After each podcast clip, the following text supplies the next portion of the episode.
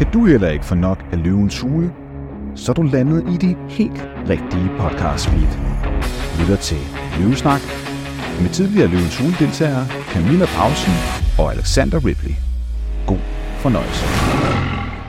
Jamen, øh, velkommen til Løvesnak. Mit navn er Alexander Ripley, og jeg er stifter af ScanMed APS, der hjælper danske håndværkere til udlandet. Og jeg fik en investering sidste år i Løvens Hule af Jesper Buk og Jakob Riesgaard, de to gamle løver. Og jeg sidder her i Aarhus og er den ene vært af Løvesnak i denne sæson sammen med Camilla, der sidder i København. Og hej med jer. Jeg har virksomheden Ladybox.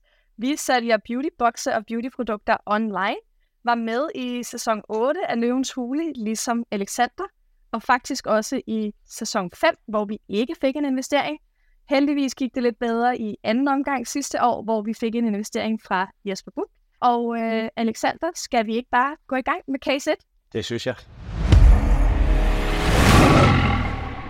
Vi har jo case 1, hvor det er Jakob og Emil med virksomheden Bland Selv Frø, som kommer ind i hulen, og de søger 250.000 for 10 procent. De har eksisteret i cirka et år, og Alexander, hvad tænker du om den case? Jamen, altså først og fremmest lige da de kommer ind, mega god energi, de har styr på deres pitch, to friske unge gutter, og jeg synes, det der er vigtigt, det er, at pitchen bare spiller, fordi det er noget, man kan kontrollere, og det viser, at man har gjort sit hjemmearbejde, og man er forberedt, og jeg synes virkelig, Jakob og Emil, de kommer ind med pondus, og de har tanden på plads, de har, man kan mærke, at de har arbejdet på øh, deres pitch. Noget, der er rigtig vigtigt, øh, at de ikke bare står og fortæller, hvordan det går, altså retroperspektivt, men jeg også kigger fremad, hvor er det, de gerne vil hen, hvad vil de have hjælp til, de siger blandt andet, at de gerne vil til Sverige. Om det er det helt rigtige tidspunkt, det ved jeg ikke, om jeg er enig med, fordi at, øh, jeg har sagt, at jeg vil til udlandet øh, i nærmest to år, og, og man skal lige næste 100%, inden man begynder at erobre øh, nye markeder. Men jeg, jeg var faktisk virkelig imponeret over de her drenge, altså de virkede ydmyge, ærlige og troværdige. Så i sidste ende, så har de bare styr på deres shit. Jeg ved ikke, hvad, hvad var din øh, opfattelse af Jamen, jeg har faktisk noteret mange af de samme ting som dig. Jeg har skrevet som det første, sindssygt god pitch, og så synes jeg også, det er meget fedt, at de lige får deres historie med ind over, øh, hvordan de ligesom er kommet frem til at finde den her forretning. Så jeg har også bare skrevet, at de kommer ind med sindssygt god energi. Jeg synes, de er fede. De har styr på deres ting. Og det her med, at de skal internationalisere, der er meget på dit hold, fordi jeg tror, at vi har sagt i Ladybox, at vi vil, øh, vi vil til Sverige og Norge øh, i, jamen jeg tror, i tre år. Der ligger bare noget i det her med, at det øh, kan være fornuftigt at øh, være stabil på ens hjemmemarked, før man begynder at søge ud over landegrænserne. Nu er de jo ikke super store endnu. De har omsat for 2,5 millioner kroner. Det synes jeg måske ikke er nok til, at man endnu er klar til at gå for eksempel ind i Sverige. Fordi vi to, vi ved også om nogen, at når man lige pludselig skal skalere en forretning, så opstår der nogle udfordringer, der ikke gør, når man kun i godsøjne har omsat for 2,5 millioner. At øh, når der kommer mere volumen på en forretning, så kommer der også flere udfordringer, flere problemer, og det er en rimelig god idé at have testet det af på hjemmemarkedet, inden at vi begynder at gå ud i alle mulige andre lande. Helt enig, og det er, jeg tror også i sidste ende, grunden til, at man er der i Løvens Hule, det er jo af forskellige årsager, blandt andet også for den her vanvittige opmærksomhed, man får. Øh, altså det, det er gode markedsføringskroner, der, der er sparet, men lige så snart de får en løve eller flere med ombord, så øh, kan man sige, det vil en, en erfaren løve også sige til dem, at det er simpelthen for tidligt med udlandet. Men, ja. men vi kender det jo selv fra, da man var der, lige snart man havde knækket koden og havde fået et par millioner i omsætning, så skulle man bare ud af Europa og hele verden. Og jeg kan sindssygt godt lide det, og de skal blive ved med den indstilling, og jeg tror faktisk, vi har to dygtige iværksættere foran os her, og øhm, jeg synes, de har virkelig styr på deres data, og også det der, de bliver spurgt, hvad koster en kunde, altså hvad er deres kak, den er 90 kroner, altså Customer Acquisition Cost, og de har en øh, dækningsgrad på 85 procent og sådan noget. De laver et meget, meget lille overskud i år, og de tager ikke nogen løn ud, og det synes jeg egentlig også er meget fornuftigt. Altså, de geninvesterer alle pengene, og, og de prøver ikke at udsulte virksomheden ved at tage en løn. Til gengæld så synes jeg også, at det også i forbindelse med, at de taler om det her med at internationalisere, der tænker jeg også, de mindede sgu lidt om mig selv på en eller anden måde, synes jeg, fordi at det var præcis den følelse, man havde, så snart man lige fik lidt omsætning, så tror man, man kan eje hele verden lige pludselig men de er stadig også i et stadie, hvor at, ligesom Louise, hun fortæller også en bekymring for, sådan, tag lidt skridt tilbage, i pakker stadigvæk selv. Det gjorde vi også i Ladybox, indtil vi havde uh, øh, 1000 abonnenter om måneden. Og uh, det tager lang tid, når det er, man selv har styr på ens lager, og man selv skal pakke uh, alle ordre. De sagde selv, de havde pakket øh, uh, 150.000. øh, af de her øh, frø. frø. Øhm, så, og det er, ja, og det er også en tidsrøver, og måske skal man også lige have lidt løn, før man begynder at lave de der store internationaliseringsplaner. Øhm, ja. De siger jo ikke så meget om, hvordan de egentlig får det til at løbe rundt, øh, i forhold til, at de så netop ikke får en løn.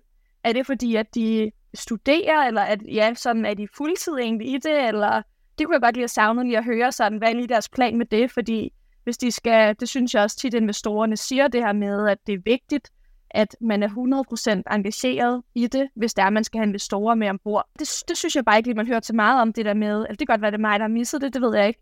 Um... Men det er lige præcis også det der, som både du og jeg ved, Camilla, at, at man er jo typisk inde i omkring en time uh, øh, inde i det her studie, og det vi får lov til at se som ser, det er uh, 10-15 minutter. Øh, så de har helt klart været inde på det her. Øh, det, det må de næsten have været, og de virker fuldtidsengageret. De havde også nogle øh, studiemedarbejdere, så vidt jeg husker, til at øh, hjælpe med at pakke. Altså, jeg synes virkelig fede gutter. Jeg synes også selve programmet, jeg er jo meget nervøs for den her sæson, men blev meget positivt overrasket over, at de... Altså, vi starter lige på hårdt med en fed case. Nogle gutter, der har styr på tingene. Vi får også lidt øh, drama imellem løverne. Altså, øh, Morten og Anne har lidt et beef til at starte med. Det synes jeg egentlig er meget fedt. Altså, øh, folk melder sig på banen, og øh, det ender jo med, at Morten Larsen giver 300.000 for 15 procent, altså en valuation på 2 millioner, i stedet for de 2,5, de beder om. Og det synes yes. jeg egentlig er meget fair. Og vi kender jo begge to Morten, han er investor i, i begge vores virksomheder sammen med Jesper Buk. Øhm, så øh, jeg tror, det er et rigtig godt match, og øh, de, jeg glæder mig til at følge dem her, vil jeg sige. Jeg synes, de er fede. Ja, det gør jeg også. Det bliver, ja, det bliver fedt at følge dem fremadrettet. Så skal vi ikke bare springe direkte ind i case 2. Der har vi jo Alexandra og Sine fra Gavn Studio, som træder ind i Løvens Hule, og de søger 20.000 for 10 procent. Deres virksomhed upcycler herrejakkesæt til kvinder, og de ender jo med at få en investering på 100.000 for 20 procent. Jeg synes faktisk, helt overall, godt navn, gavn. Altså det her, de kommer ind med, de snakker om en tredobbelte bundlinje, altså det her People, Planet, Profit. Jeg synes egentlig, det er en fin idé. De kommer ind, udstråler ind i god selvsynlighed, en fin pitch. Man ved ligesom, hvad de vil. Jeg tror, vi begge to sidder og tænker, at øh, det er lidt tidligt, men egentlig en meget fed case. Jeg ved ikke, hvad siger du? Enig. Jeg synes, at de kommer ind med god energi. Jeg synes, de har styr på markedet. De har lavet allerede nogle sindssygt fede samarbejder med blandt andet Røde Kors, som de fortæller om. De fortæller, at de har omsat for 25.000 kroner, øh, hvilket er meget, meget lidt, og de er relativt jo grønne iværksættere i virkeligheden i den her virksomhed. Så jeg var rimelig imponeret af, at de har lavet øh, nogle samarbejder med nogle rimelig fede organisationer, og øh, gik 100% ind i det her med bæredygtighed. Og der synes jeg faktisk også, at Anne hun kommer med en fed kommentar, fordi hun også siger, der er mange, der prøver at lave det her med bæredygtigt øh, tøj, men det er virkelig svært at lave bæredygtigt tøj, så, så længe man producerer noget nyt. Hvor at, øh, at det går de her jo i Gavn Studio faktisk ind og, og virkelig øh, kæmper imod, så at sige, fordi de jo rent faktisk bruger brugt tøj til at lave nyt tøj. Og det koncept, det synes jeg er sindssygt fedt fuldstændig enig. Altså det der med upcycling, det er jo virkelig noget, vi skal til at bruge mere og mere, for vi har rigelige materialer. Altså vi har alle sammen, jeg tror, nu sidder du med et klædeskab bag dig, kan jeg se Camilla på webcam, og jeg vil være med det er og du kun bruger 20 procent. Og, og det er jo det samme med mig. Øh, men det eneste ved den her case, hvor jeg tænker, at det kan blive lidt problematisk, det er, at de her oversize jakkesæt til kvinder, og du må hjælpe mig her, Camilla, for jeg er ved Gud ikke nogen modeekspert, men at det her fedt om to år, det var faktisk præcis det, jeg tænkte. Vi ved jo alle sammen godt, at moden den ændrer sig hele tiden, og lige for tiden og det sidste år, øh, måske også halvandet, der har det været sindssygt inde med de her oversized jakkesæt, og jeg har da også nogen inde i skabet.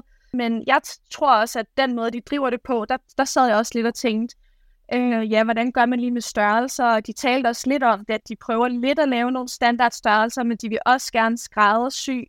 Men hvor jeg sad og tænkte, når det er, de overtager brugt tøj, hvor mange har man så af det samme? Fordi det var det, jeg tænkte, der kunne blive en udfordring for dem fremadrettet, at hvis nu, at de får et eller andet øh, bestemt jakkesæt, som bliver sindssygt populært, så har de jo bare en total begrænsning i alle deres produktioner, fordi de overtager brugt tøj. Og jeg tror, det kan både være godt og dårligt. Det kan være, det kan være dårligt, hvis nu er, man kunne have solgt en million af dem, men man har kun 200. Det kan også skabe en sindssyg hype. fordi at deres øh, produktioner bliver udsolgt. Og så kan det være ret fedt, men jeg tror, at man kan se det lidt fra begge sider. Så jeg er også ret spændt på at se, hvor de bevæger sig hen af. For jeg tror heller ikke, det er en nem forretning at få frem, og det er ikke nogen hemmelighed, at det er, de har mange konkurrenter. Der er mange virksomheder, der laver fede jakkesæt, øh, og også oversize jakkesæt øh, til kvinder. Men jeg synes altså helt klart, der er noget her, der er med upcycling, det er inde i tiden, de passer på planeten. Øh, det er sindssygt fedt. Det, jeg, jeg ser nogle problemer ved at skalere det her til en stor forretning, fordi det er, som vi alle sammen ved, i starten, når du kommer i gang, så er det bare med at få noget omsætning, og så, så bliver det rigtig svært, det der, når du skal sætte noget i kasser. Fordi det handler om at have øh, ikke, ikke 10.000 forskellige varenumre og sådan noget. Det bliver bare bøvlet. Og så, så tror jeg også det her, hvis moden, som jeg snakker om, skifter, så vil jeg gerne, øhm, altså kan de rykke det til noget andet end jakkesæt? Altså kan de tage noget andet og upcycle det? Skal det bare være generelt alt, der er i øh, genbrugsbutikkerne, tager de det og upcycle det? Det kunne være en fed forretning at se, hvordan det går hen, men det er virkelig, det kræver mange mandetimer per produkt, opret, sytte om og så ja. videre, så det, øhm, jeg ser ikke en kæmpe forretning, men det virker heller ikke som om, de ved det. Det virker som om, at de vil gøre noget bedre øh, for planeten og dem omkring sig, og ikke lave en kæmpe milliardforretning. Og jeg synes, det er en pissegod case til Anne og Louise, der kommer ind med noget erfaring, og vil give dem øh, støtte og sparring der omkring. Så altså for mig, you go girls, giv den gas, det bliver fucking nice. øh, men øh, jeg ser ikke en helt stor forretning, men det er fedt. Og jeg synes også faktisk, at det er fedt for Løvens Hule-konceptet, at, hvad kan man sige, sådan en lille og ny virksomhed rent faktisk får en investering og hjælp, fordi at de har jo ret meget brug for det, men jeg kan omvendt godt ja. forstå, som investorer, så havde jeg nok også hoppet forbi den, fordi at chancen for, at det her bliver noget, der giver et kæmpe afkast på en investering, er, er nok mindre end, end de to gutter, vi så før, for eksempel. Ja, og det er jeg helt enig i. Jeg tror også, at det var den ting, der undrede mig lidt med den her case, fordi at jeg synes, de er sindssygt fede. Men jeg synes også, at løverne generelt ofte siger, det gør de også senere i det her program 1, at øh, den her virksomhed, den er simpelthen for lille, eller den er simpelthen for ny, og øh, senere i programmet, der kommenterer Morten til en anden case, at øh, I har ikke bevist noget endnu, og det er ligesom årsagen til, øh, at den virksomhed ikke får en investering, hvor at jeg så sad lidt og undrede mig over, hvad er det så lige, der gjorde det med den her investering, fordi det er altid det, de andre cases, eller at mange cases, de får øh, kritik for. Og det kan godt være, at de jo bare har chimeret sig fuldstændig ind her på de to kvindelige løver, at det er også det, der er med til at gøre det. Men det undrer i hvert fald lige mig, fordi jeg ser heller ikke en milliardforretning i det her koncept. Men øhm, god gas og god vind til øh, øh, Alexander og Sine, og så lad os hoppe videre til case nummer 3. Så lad os springe direkte ind i case nummer 3 med Anders og Anders fra Bro Cola som altså søger 500.000 for 10% af deres virksomhed. Anders Anders, de går ikke fra hulen med en investering, og hvis jeg skal vurdere det, så synes jeg, det er med god grund. Jeg synes måske ikke, det her det var en investeringscase, i hvert fald ikke i nu. De vil ind på det her danske læskedrikmarked, som jeg synes er sindssygt konkurrencepræget, og som jeg tror er sindssygt svært og jeg synes ikke rigtigt, at de formår at fortælle, hvordan de har tænkt sig at komme rigtigt ind på markedet. Det de siger, når de bliver spurgt af investorerne, hvordan at de skal få fodfæste i Danmark, det er ligesom bare, at jamen, de skal bare ud i de her caféer, restauranter øh, og specialbutikker, men der mangler en eller anden plan for, hvordan. Og Anne, hun begynder jo faktisk at stikke en del ind til det, sådan, hvorfor skal jeg drikke jeres cola? Og de kan faktisk ikke rigtig komme med et godt svar. Og det synes jeg, at man skal have på plads, når man træder ind øh, i sådan et her program. Der skal man også styr på, hvorfor man har lavet den her forretning, hvorfor at man skal købe det produkt, man har lavet. Øh, jeg synes, det er lidt useriøst at have en forretning, hvor man ikke ved, hvorfor kunderne skal købe ens produkt. Jeg er faktisk enig igen øh, her, fordi at jeg synes, Nikolaj han er ret skarp på det her punkt, for vi får lidt set den nye lov lige netop i det her moment, at øh, Nikolaj han, øh, han siger, hvor er historien? Altså, og han opdækker en historie hurtigt. Altså, okay, I sidder i fængslet i Horsens. Sælg øh, colaen øh, ind til alle indsatte i Danmark til en krone. Og så har han ligesom en historie, bare for at vise, hvor nemt eller ikke hvor nemt, men altså, der skal være en eller anden storytelling bagved, fordi at det er et hårdt marked at komme ind på, du skal slå Pepsi og Cola af, af det, og du har frem i Ribe og nogle andre special, og øh, øh, hvad kan man sige, bryggerier, der laver nogle, nogle rigtig gode øh, colaer. Men jeg tror ikke helt på den her ting, for de siger, at de vil gerne være ligesom, øh, hvad hedder det, specialbryggerier til øl, øh, altså mikrobryggerier. Og jeg tror ikke, der er den samme, for når øh, du eller jeg går ud og spiser, Camilla, så får vi noget god vin, eller vi får en øl og nogle forskellige øl. Øhm, typisk dem, der køber, øh, nu er det også måske, fordi jeg har et meget, meget øh, dårligt alkoholforbrug, der er lidt for højt, men altså, jeg kunne aldrig finde på at gå ud og prøve forskellige colaer. Øh, jeg kunne forestille mig, at det er primært til børn, øh, og de vil bare have det, de kender, og det er cola og Pepsi. Øh, så jeg tror, ja, den her ser det heller ikke som case. Jeg synes, det var et, et sjovt indslag med, at han, øh, øh, hvad er din baggrund for at starte det her, det er, fordi han har drukket mange colaer. Men som case, investeringscase, ser jeg den heller ikke. Men øh, ja, ellers er der vist ikke så meget at sige til dem. Nej, de får jo ikke nogen bud, og øh, det forstår jeg sådan set godt. Så selvfølgelig øh, al held og lykke til dem, men jeg synes faktisk, at vi skal springe direkte videre til case 4. Og i case 4, der kommer Niklas ind i løvens hule med Lino Kær. Han har lavet en alarm-app og en panikknap, og han søger 50.000 kroner for 10% af sin virksomhed, altså en værdiansættelse på 500.000 kroner. Og han ender med at få Anne og den nye løve Tahir med ombord, hvor de får til sammen 30% for 150.000. Ja, og øh, jeg synes faktisk, hvis vi lige skal starte med pitchen, så øh, synes jeg egentlig, den er okay. Altså man kan godt være, at han er ung og nervøs, men, øh, men han kommer sådan noget, nogenlunde igennem det, synes jeg. Altså, øh, jeg kan selv huske det, jeg ved ikke hvad der er, når man kommer ind og skal stå på det kryds foran de fem løver, så er det bare, altså man skal virkelig være skarp, man skal huske den der to minutters pitch, der er 40 kameraer på dig, og så videre. Øh, så det er hårdt, så jeg kan sagtens forstå, at øh, Niklas han er nervøs. Øh, det, der undrer mig lidt her, øh, det er, at øh, vi snakkede faktisk der, lige om det, inden vi hoppede ind her og optog, øh, Camilla, at øh, vi kender begge to nogen, der hedder Cyrene og laver lidt det samme, altså har sådan en overfaldsalarm, og de går meget efter de her, deres branding går meget på det her, når, når kvinder går ind for byen og føler sig utrygge. Øhm, og de tager ligesom hele netværket, altså ligesom hjerteløber, så kan man ligesom, øh, øh, man behøver ikke selv her, øh, øh, hvad hedder det, den her overfaldsknap, øh, knap, alarm, men man kan bare have appen og så være runner, øh, hvor at, øh, jeg stokkede lige lidt op på det her, og for mig virker det som om, at det her det er kun til dine venner og bekendte. Og øh, der kom jeg til at tænke på, altså hvis jeg var ude og gå en tur i Mols bjerge og øh, trykke på den her knap, og så min mor, der bor to timer væk, får en alarm. Hvad nytter det? Altså det, det skulle helst alarmere hele, øh, altså nogen, der er tæt på mig, kan hjælpe mig med noget. Øh, og så det der er med det her, der kan ikke være for mange spillere, fordi at, altså, øh, hvis vi får alt for mange øh, et spraglet marked af alle de her overfaldsalarmer, så, øh, så fungerer det ikke, for vi har brug for alle brugere et sted, ligesom med, med hjerteløber, altså at, at alle bliver tilkaldt, når man har brug for hjælp. Øhm, men ja. Ja, ja.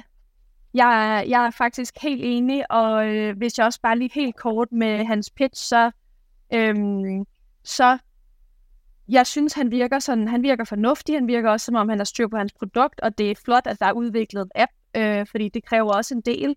Jeg savner måske lidt, øh, nu siger jeg iværksætterånd, eller sådan, altså noget mere øh, energi, synes jeg, i pitchen. At øh, jeg synes også, at selvom, selvom man er nervøs, fordi det, det blev jeg også, da jeg skulle ind i løvens hule, og specielt for anden gang, da jeg havde fået tæsk første gang, og jeg skulle der en anden gang. Og øh, der øvede jeg pitchen 100 gange, tror jeg ikke engang kan gøre det, og med energi og, øh, og smil og armbevægelser og alt muligt. Mm. Øhm, og det kunne jeg godt have savnet lidt, for det synes jeg også er en del af det at forberede sig til at være i løvens hule, det er, jeg skal ind, og så har jeg to minutter til at sælge den her idé, så godt som jeg overhovedet kan. Selvfølgelig forstår jeg også godt, at han er nervøs, men jeg kunne godt lige savne det der lidt mere sådan spraglende energi, fordi konceptet, han har lavet, er jo rigtig fedt. Øhm, jeg synes også, at øh, det, vi ved selvfølgelig ikke, hvad de har snakket om bag kameraerne øh, i forhold til det her Cyrene. Det er jo også den her overfaldsalarm, som jeg synes også, det er faktisk et produkt, der har en sindssygt lækker app, og det er et rigtig fl- det er en flot lille øh, overfaldsalarm, de har lavet. Øhm, hvor at den, der kommer ind her med Linu Care, det er, et, øh, det er et produkt, der kommer direkte fra Taiwan, som bliver masseproduceret. Det er ikke noget specielt, som han har på den måde lavet. Øhm, så den her investering undrer faktisk mig, at den får øh, to løver med. Øhm, fordi jeg synes, der er så gode bud allerede ude i Danmark, at, øh, at og som er et bedre produkt end det ja. her. Øhm, så jeg, jeg har faktisk svært ved at forstå jeg, jeg er faktisk, øh, jeg vil sige, jeg tror, den eneste grund til, at den får en investering, øh, Niklas her, det er fordi, at valuation er så utrolig lav, og fordi det har været på tegnebrættet for Tahir i forvejen. Og så køber han sig bare, han, han sparer bare et år ved at købe det her. Han skal ikke selv til at udvikle en app, han skal ikke selv til at få øh, produktlinjen. Han kan komme ind og optimere det, sætte nogle folk på, på sagen her.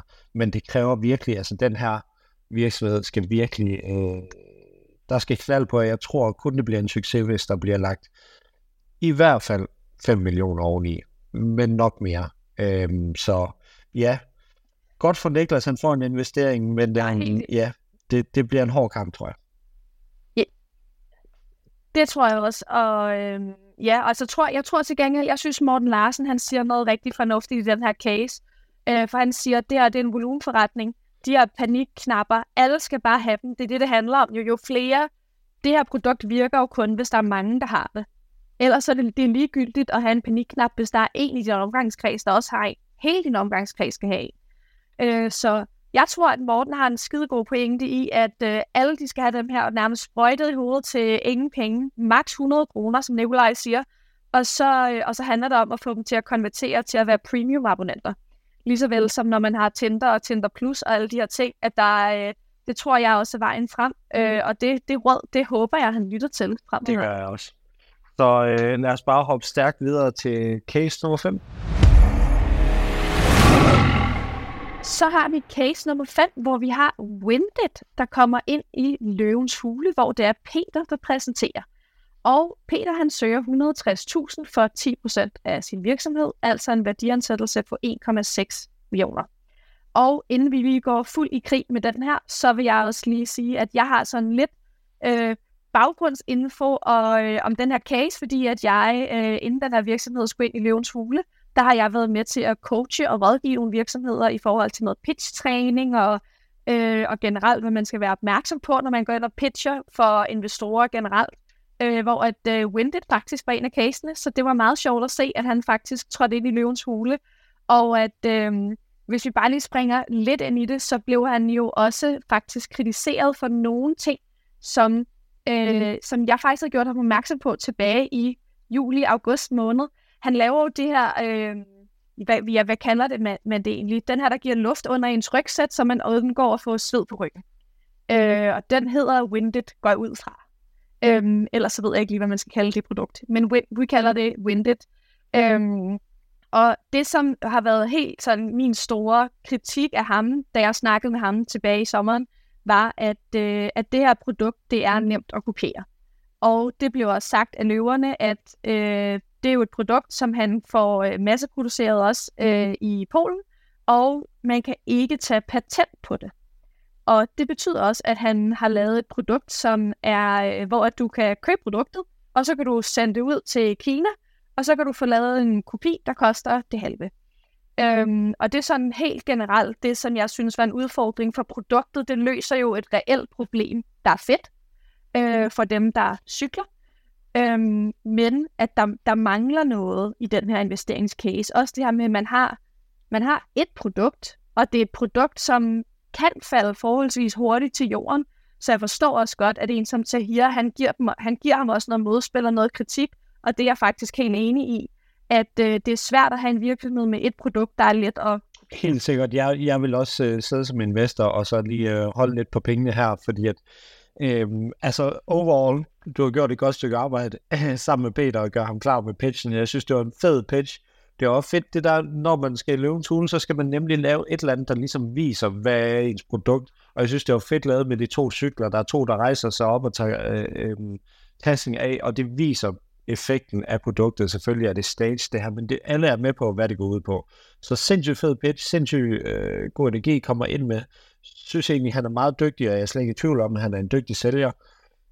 Produktet, det som du fuldstændig har været inde på, det er så let at kopiere, og man har ikke patent på det, og så det her med, at det er dyrt. Jeg var ved, jeg var ved at falde af stolen, da jeg hørte, at det kostede 3,99 i, i udsalgspris. Det her, det skulle ligge ned i 10'eren, og det skulle, skulle koste 30 kroner, og det helt universelt skal på alle øh, hvad hedder det, øh, alle rygsække og så selvfølgelig kunne han få prisen lang, øh, længere ned, øhm, men altså, han er da også meget tidligere omsat for 34.000.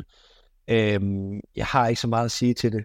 Jeg synes, han er fed energi. Jeg tror ikke, produktet det bliver øh, det helt stort. Nej, han har svært ved at forsvare, at han skal omsætte for 10 millioner i 2025. Det siger han jo, han skal ved at komme ud i 1100 forhandlere, hvor, at, øh, hvor de kvindelige løver også stiller spørgsmålstegn ved, jamen skal, er det dig, der skal rundt til 1100 forhandlere i hele Europa?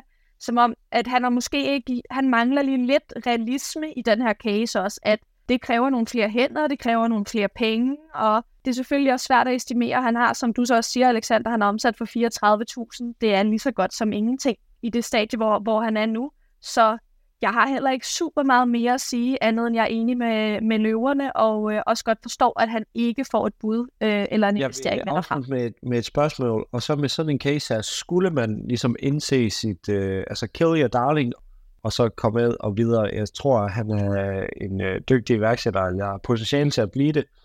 Væk med det her produkt, du har lært en masse af det, og så øh, få det solgt ind til en øh, taskeudbyder, øh, få lidt penge i banken, og så gå videre med et nyt projekt. Det er mit bedste råd, ud fra det korte 10 minutter, ja. vi lige har. Øhm, så ja. Ja, meget enig. Og med den afslutning, så lad os gå videre til den sidste case for dagens episode, som er Face Off, hvor Jesper kommer ind, øh, som har lavet en international gymnastikturnering. Og Jesper han kommer ind og søger 250.000 for 5%, og det er en værdiansættelse på 5 millioner kroner. Han ender med at få en, en investering fra Nikolaj, en af de nye løver, på 250.000 for 10%, altså en halvering af den værdiansættelse, han gik ind med. Det var, øh, altså jeg synes, han var sindssygt fed. Og jeg tænkte med det samme, han ligesom forklarer det her. Der tænker jeg, at han passer fuldstændig til Nikolaj. Altså, man har allerede fået et nogenlunde godt billede af, hvem øh, Nikolaj er, den nye løve. Og jeg blev virkelig overrasket her, meget, meget inspireret og øh, optaget af Nikolaj. Han virker utrolig belæst, meget, øh, meget dygtig mand. Altså han fortæller om alt det her, hvor han snakkede med dem, der har Tour de France, og dem, der købte UFC ud og så videre. Altså sindssygt fed fyr, og han passer jo lige til Jesper her. Det fede ved det her face-off, det er, at det prøver at hvad kan man sige, gøre lidt det, som Nikolaj netop gjorde for e-sport, altså øh, gjorde det mainstream, så han passer perfekt der, og så det der, det jeg godt kan lide ved casen, som jeg i hvert fald, hvis jeg var investor, det var, at de har den her sidegeschæft, eller hvad man skal sige, der producerer film, så de har noget konstant cashflow, og det er egentlig der, de tjener pengene, så har de ligesom et, øh, det er ikke lige så stort et gamble for en investor at komme ind med. Jeg savnede til gengæld at høre lidt mere viden om det her med, at det jo faktisk var en total todel forretning. Men vi hørte kun om den ene del, og det var i virkeligheden den anden del af forretningen, som skulle finansiere den her idé. Fordi jeg kom også bare til at sidde og tænke på, jamen, hvordan bliver ressourcerne brugt i den her forretning? De har fire partnere, har fem ansatte. Sidder de her fem ansatte kun og producerer content? Eller hvad er ligesom planen for at gøre det her endnu større? Jeg synes, Nikolaj har den perfekte profil. Det her, det skal bare være sådan en total mainstream ting. Øh, nu skulle de ind her i, øh, i boksen i Herning, og jeg håber, at det bliver en kæmpe succes og mega stort, og at de, ligesom Nikolaj sagde, får Audi som sponsor og alle de her ting. Men jeg savnede bare lidt at høre, hvordan er det lige, det skal ske, og er det meningen, vi skal fortsætte med den her medieproduktionsvirksomhed, fordi det er den, der skal finansiere det. De, jeg savnede nemlig lidt at høre nogle tal fra dem også. Øhm, fordi det eneste, vi hører her i fjernsynet, det er, at de ønsker, eller de har et mål om at omsætte for 7,5 millioner i 2023. Men man hører jo ikke rigtig noget om, hvor står vi i dag, hvordan når vi det her mål, tjener de penge. Jeg synes ikke, der er så mange tal i forhold til os alle de her ting. Vi ved, at de gerne vil sælge 10.000 billetter i Herning, men ja, der savnede jeg i hvert fald lige lidt mere info for sådan at kunne lave en god vurdering af, om det her var en god investeringscase. Ja. Jeg tror, at grunden til, at man ikke hører om den der videoproduktion, det er fordi, den er så, hvad kan man sige, en klassisk forretning. Det er røvsygt for os at se om, så jeg tror, det er helt klart en forretning, der kører godt, og jeg tror uden tvivl, at den forretning bliver ligesom valgt fra, for det ved du også, at når man har lidt forskellige koncepter og så videre, så bliver man nødt til at gå all in på et tidspunkt, for ellers så, hvis øh, driften af den her videoproduktionsvirksomhed tager noget af dit fokus, så bliver det andet bare aldrig stort. Men det kan være, at en af partnerne står for det, og har et par ansatte til at køre det, og det genererer et cashflow. Øhm, så det, det, det er sådan set, det ser jeg egentlig som rigtig godt. Noget, jeg synes var vanvittigt fedt, at Jesper også viser en modenhed, og øh, ligesom at han også stiller nogle krav, for det skal man huske som iværksætter derinde, at øh, du står egentlig også med bolden, selvom det er lidt øh, mod 1-agtigt, så synes jeg, det var sindssygt fedt, at han kommer tilbage til Nikolaj og siger, kan du lige konkretisere med, hvad det er, du vil? Der smider han bolden over på Nikolaj igen. Det viser, at Jesper, han er, øh, ja, han er ikke lige faldet ned fra et træ. Nej, det er fedt, han ikke bare skynder sig og takke ja, fordi det kan jeg godt forstå, hvis nogen iværksætter kommer til, når man står inde i et program som Løvens Hule, at man bliver så overrumplet og synes, det er så vildt, der er nogen, der vil investere i, at man skynder sig og siger ja.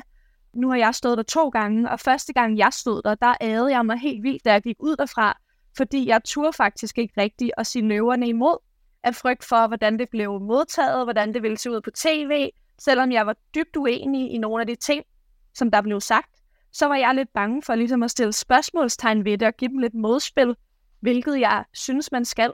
Så det var totalt pluspoint i min bog, at Jesper faktisk siger, vil du egentlig ikke lige forklare, Nikolaj, hvad er det præcis, du kan hjælpe mig med? Jeg synes også, Nikolaj han svarer sindssygt godt, og, mm. øh, og efter det, der tænkte jeg også, det er et perfekt match. Øh, det er et match made in heaven.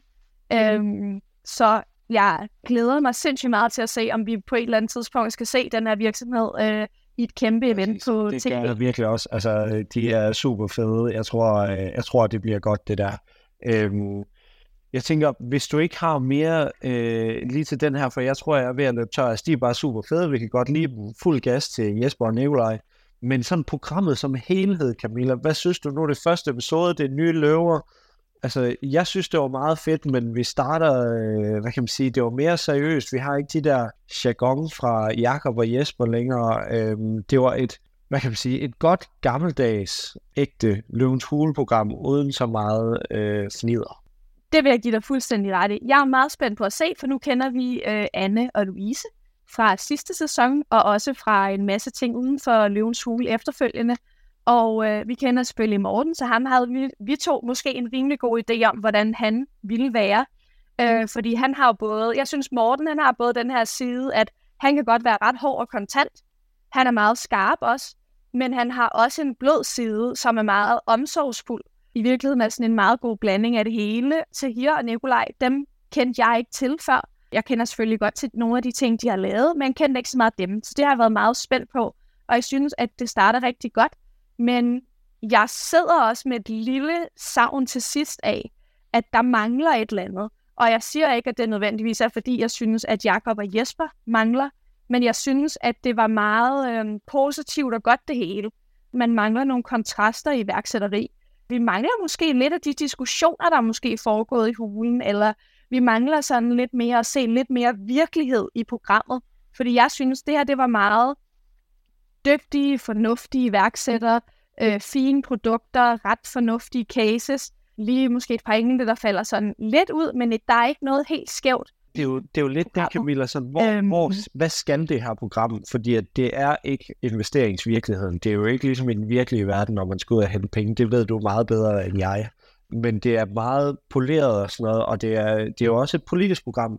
Hvad skal det øh, vise? Altså sådan, Alexandra og Signe fra Gavn, der tror jeg, at vi begge to kan være enige om, at det, det er ikke en investeringscase. Vi vil aldrig selv spytte penge i dem, øh, hvis vi var så heldige at, at, at sidde der. For det er ikke en investeringscase, men i og med, det er et program i bedste sendetid på en statsfinansieret kanal, så er det måske meget godt, at det viser, at to unge kvinder, der får en idé og gør noget ved, at de lukker Røde Kors, øh, de har gang i at altså, passe på vores planet og, og så videre. Det synes jeg, det er sindssygt fedt, men omvendt i den virkelige verden, så er det nok ikke helt gået, så det er, hvad, hvad er det programmet skal, og der tror jeg, det, der kan alle få sin egen mening. For mig, der tror jeg, en gang der var jeg hårdere og siger, øhm, det der, det er fandme ikke en ordentlig forretning, kan du fisse ud af programmet, men nu tror jeg, jeg er blevet mere blød på mine gamle dage, og siger sådan, okay, jeg forstår faktisk det politiske element i det, men det sagt, så vil jeg sige, jeg vil være rigtig ked af det, hvis jeg havde søgt til den her sæson, og kommer med min, hvad kan man sige, rigtige forretning med tocifrede millionomsætning og ansatte og et, et, et Blue Ocean og mit eget koncept.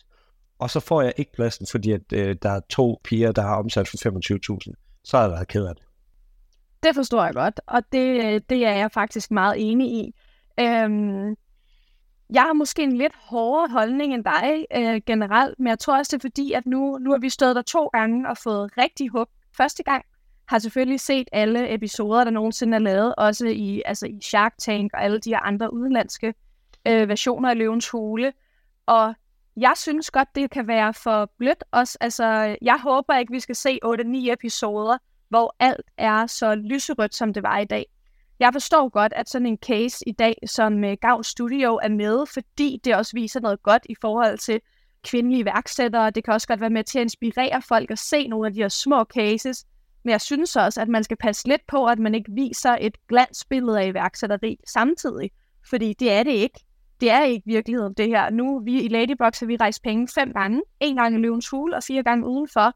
Og det er ikke en dans på roser, eller at man bare går ind og præsenterer en god idé og har et lille, en lille omsætning, og så går man ud med en eller to løver, og så bliver man berømt, når man bliver vist i fjernsynet. Det er ikke sådan, virkeligheden fungerer.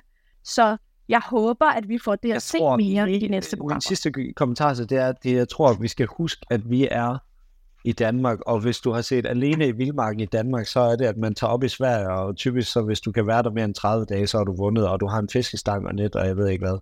Og så ser du det amerikanske Alone, hvor de er oppe i Alaska, nord for Polarcirklen, og der er bjørn overalt, og det er virkelig nærdødsoplevelser, og folk de mister tær for forfrysning og sådan noget.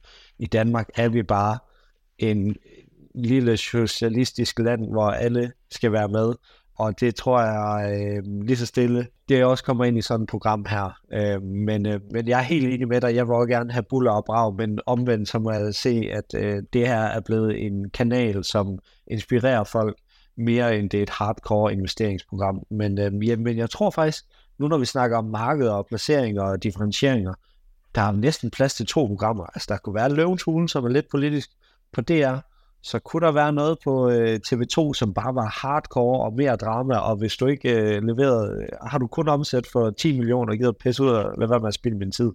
En lille, en lille idé, hvis der er nogen af de to, der lytter med. Men øh, ej, det skal ikke øh, det der men egentlig øh, okay start. Jeg er jo lidt bekymret for, øh, for den her øh, sæson, men jeg synes, den, er, den, er, den starter godt. Jeg er meget spændt på at se i hvert fald de næste episoder, også i forhold til den her kemi, der er mellem, mellem de fem løver. Jeg er spændt på at følge den, fordi den virker rigtig god, synes jeg. Og det, det er også fedt. Men jeg håber også, de er uenige om nogle ting. Fordi sådan er det også i virkeligheden. Og det er lidt det perspektiv, jeg håber, vi kommer til at se nu her fremadrettet. Det jeg er fuldstændig enig. Jeg tror også altid, ligesom i vores første episode her, når man starter noget, så er man meget enig. De her fem løver sidder sammen for første gang. Må ikke vi ser lidt flere diskussioner hen ad vejen? Det håber jeg i hvert fald. Jeg tror også, vi bliver mere og mere uenige hen ad vejen, øh, Camilla. Men øh, tusind tak for den her snak. Det var sindssygt fedt. Jeg håber virkelig, at jeg nytte det derude. Og så øh, tror jeg ellers bare, at vi siger tak for nu, og så ses vi ved øh, næste torsdag. Det gør vi i hvert fald. Tak for nu.